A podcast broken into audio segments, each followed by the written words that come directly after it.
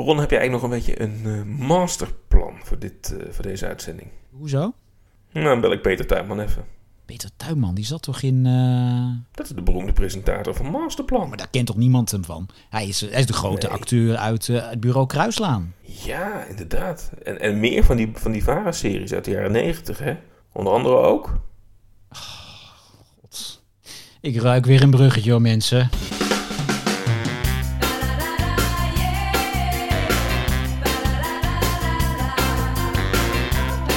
Daar bleef je voor thuis. Daar luister je naar de podcast over nostalgie. Over oude tv-programma's die wij uit de mottenballen halen en gaan recenseren. En ik ben Ron Vergouwen. En ik ben uh, Bjorn Bouwens. En vandaag blikken we terug, Ron, op... Unit 13, de dramaserie van de VARA uit de jaren 90.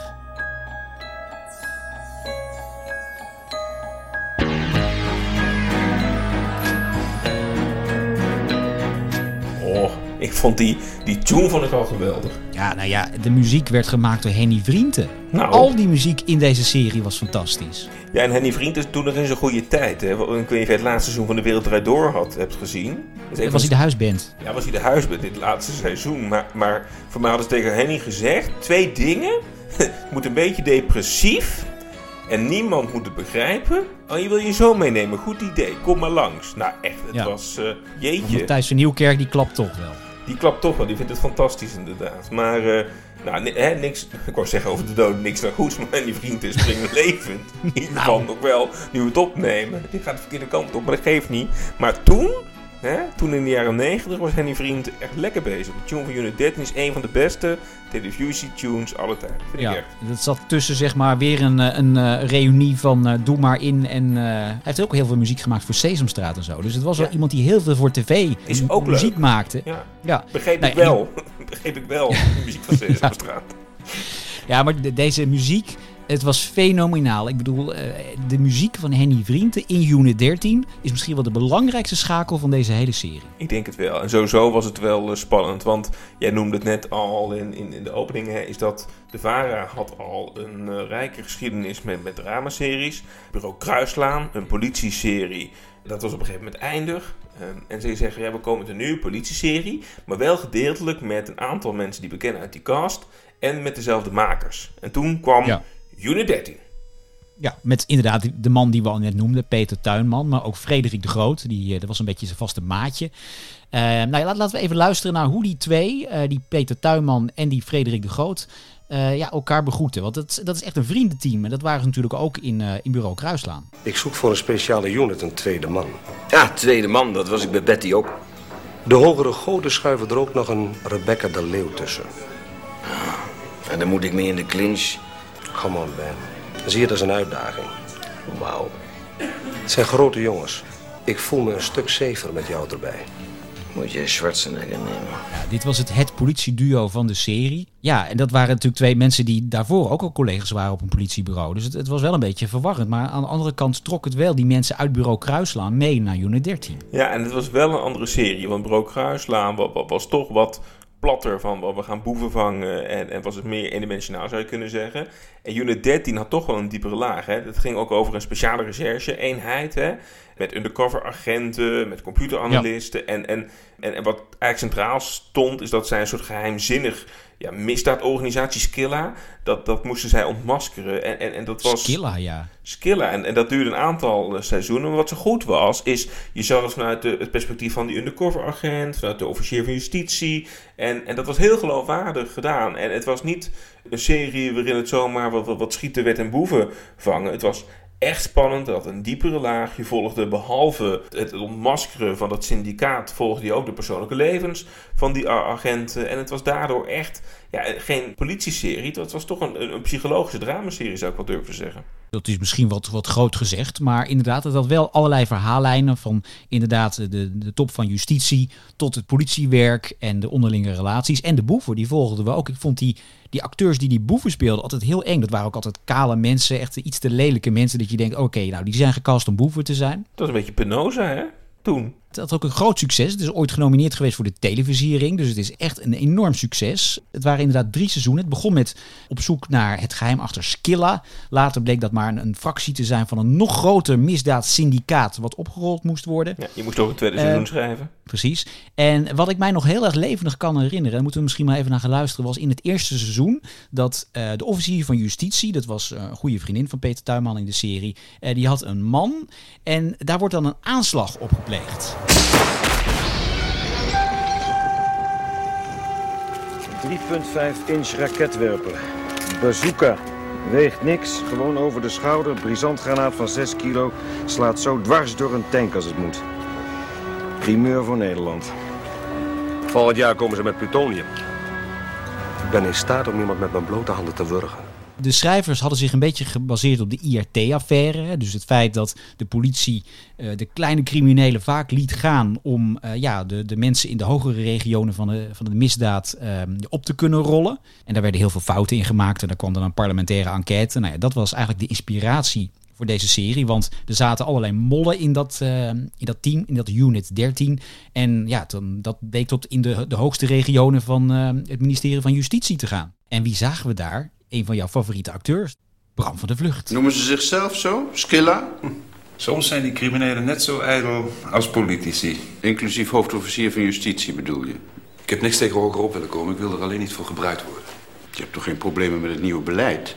Kleine Younes is ook jullie idee. Ja, omdat we dingen als het IDT met 500 man de mist in hebben zien gaan. Nou, Kleine units zijn prima. Als ze ongestoord hun werk kunnen doen. Zonder dat allerlei mensen hen in de weg lopen. In de hoop met de eer te kunnen gaan strijken. Goed dat het even goed wordt uitgelegd naar de kijker toe, hè, hoe het in elkaar zit. Ja, goed gearticuleerd ook. Maar ja, Bram van de Vlucht, ik vind het fantastisch. Maakt niet uit wat die man Ja. doet, toch? Dus Bram van de Vlucht die speelde een hoog pief eh, waarvan je eigenlijk de hele serie niet weet of die nou te vertrouwen is of niet.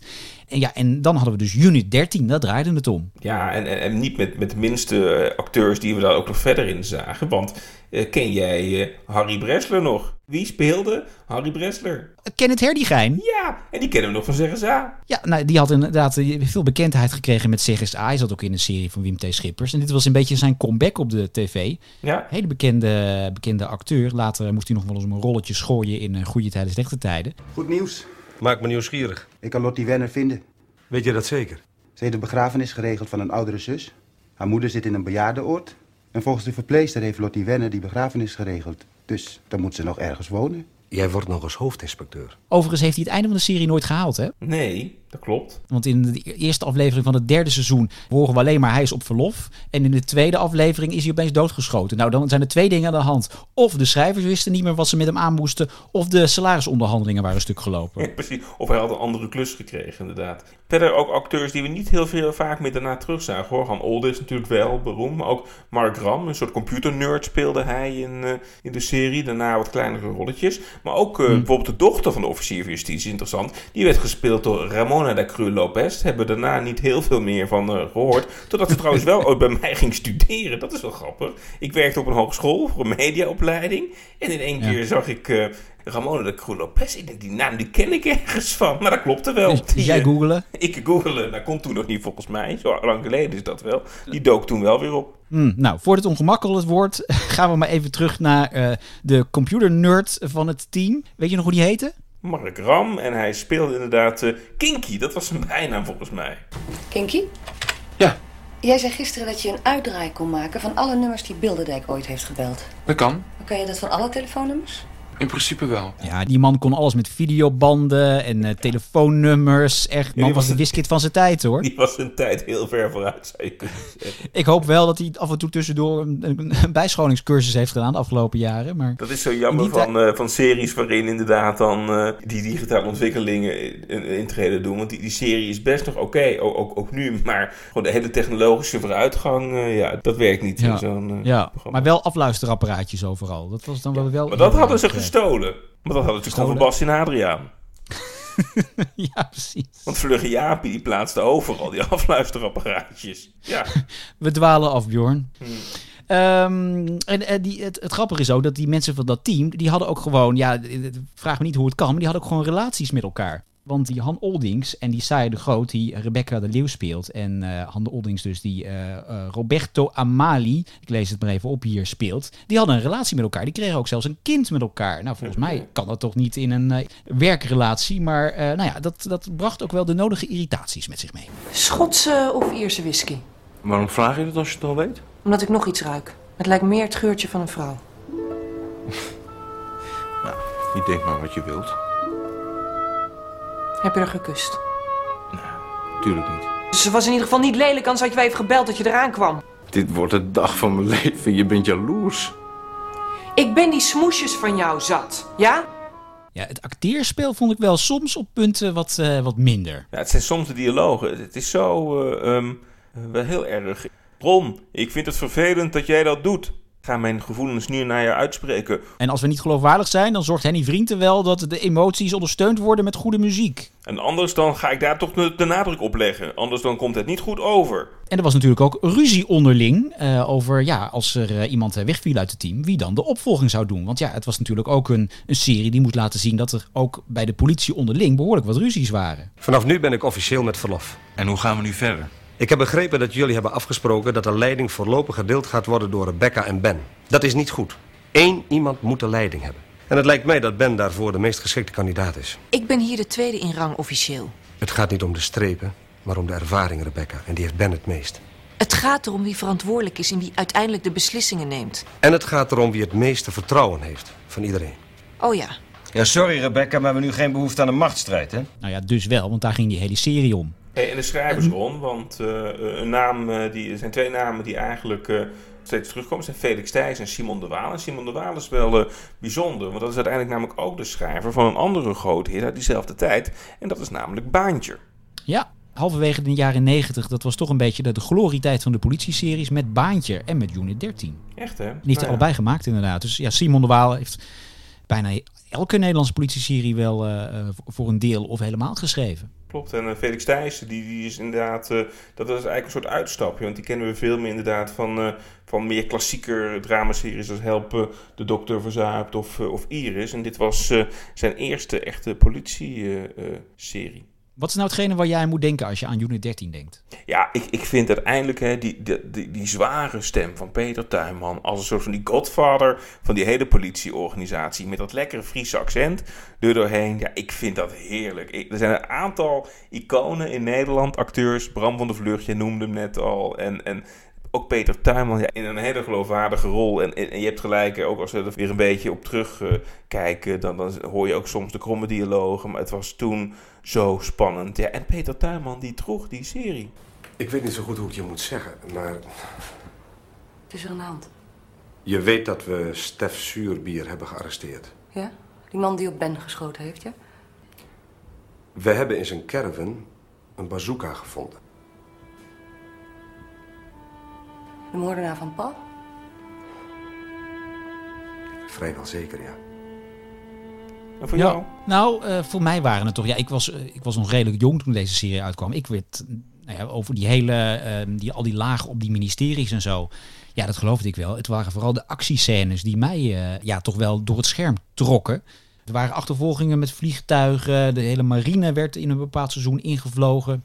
Auto's ontploften. Dat, dat klopt niet. Auto's ontploften, inderdaad. Uiteindelijk ontplofte zelfs uh, het hele politiebureau waar uh, Unit 13 uh, zich verscholen had. Het was een oud pand aan de, aan, in de haven. En wat nog wel een soort zijlijntje was in de serie, is dat Unit 13 die zat daar omdat ze daar moesten zitten. Ze hadden geen andere plek gekregen. En de, het politiebureau wat daar zat, was eigenlijk helemaal niet blij. want ja, die moesten ruimte inleveren voor die unit. Daar heb ik ook nog wat geluid van. Meneer Lobert? Mm -hmm. Ik kom in verband met de bovenverdieping. Talsma. Komt u namens de korpsleiding? Min of meer. Dan mag u ze min of meer dit papier van mij geven. En ze namens mij ook vragen of ze misschien hartstikke gek geworden zijn daar. Ik wacht al zes jaar op een nieuw pand. En wat ik krijg is dat ik naar de helft van mijn oude pand mag inleveren. Ja, ik had ook liever de bovenverdieping van het Hilton. Maar als je je vrienden zoekt, kan je beter een telescoop meenemen. Nou ja, er zijn dus drie seizoenen gemaakt. Aan het einde van de serie ja, krijgt de unit voor de zoveelste keer het deksel op de neus. En uh, uh, ja, krijgen ze het maar niet voor elkaar om de mensen die boven hen zitten uh, te ontmaskeren als zijnde de, de, de kwade geniussen van de, um, van de hele zaak. Dus dan gaan ze eigenlijk maar met alle bewijslast die ze hebben naar een journalist toe. En dan is er een beetje een soort open einde van wat gaat er nou gebeuren. En dat was het einde van, van, van unit 13. We hebben dit allemaal al eens eerder meegemaakt, weet je wel. Alleen toen wisten we niet wat we ermee aan moesten. Nu wel? Ja, nu wel. Laat ze het allemaal maar gaan publiceren. Alle namen, alle schoftige streken die uitgehaald zijn. Ben je het er mee eens? Ik weet niet. Besef je dat dit wel eens het laatste kan zijn wat je doet? Wil je dat risico nemen? Hiermee pakken we alle figuren die denken dat ze nog steeds veilig zitten. Weet jij waar die journalist woont, die uh, Remco Haas?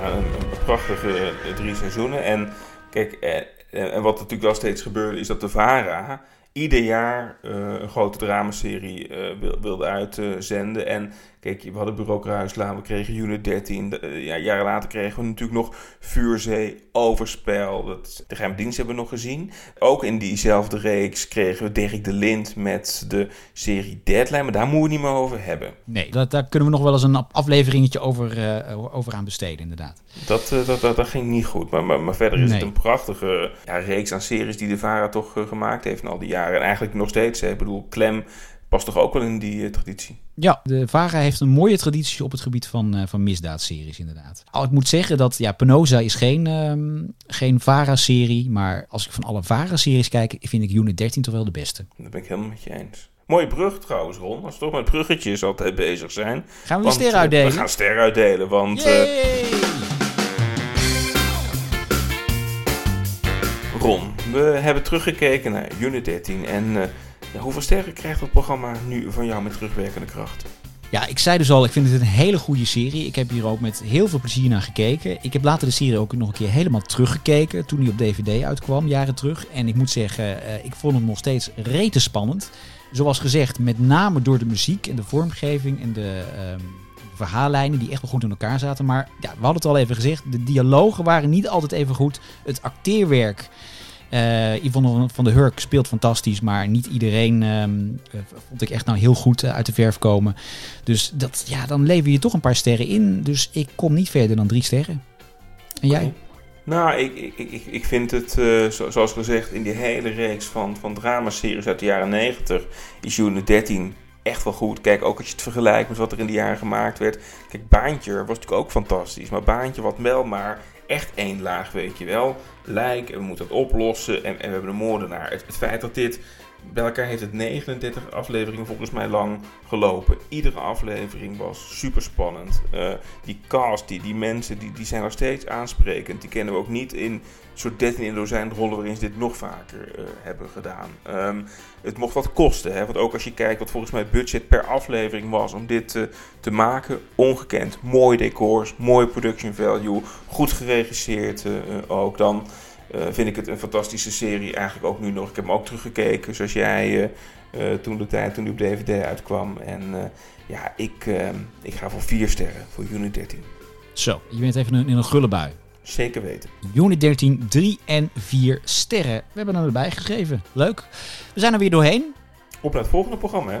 Zeker, maar niet voordat jij natuurlijk nu in Apple Podcasts even, even vijf sterren aan ons hebt gegeven en een uh, mooie recensie hebt uh, achtergelaten. En misschien een mooie suggestie over welk programma we volgende keer moeten gaan doen. Ja, want laat dat ons weten. Hè. Je kunt het ook mailen naar daar bleef je voor thuis gmail.com. Welk programma zou jij nou nog eens een keer graag besproken willen hebben in deze podcast? Laat het ons weten. Ja.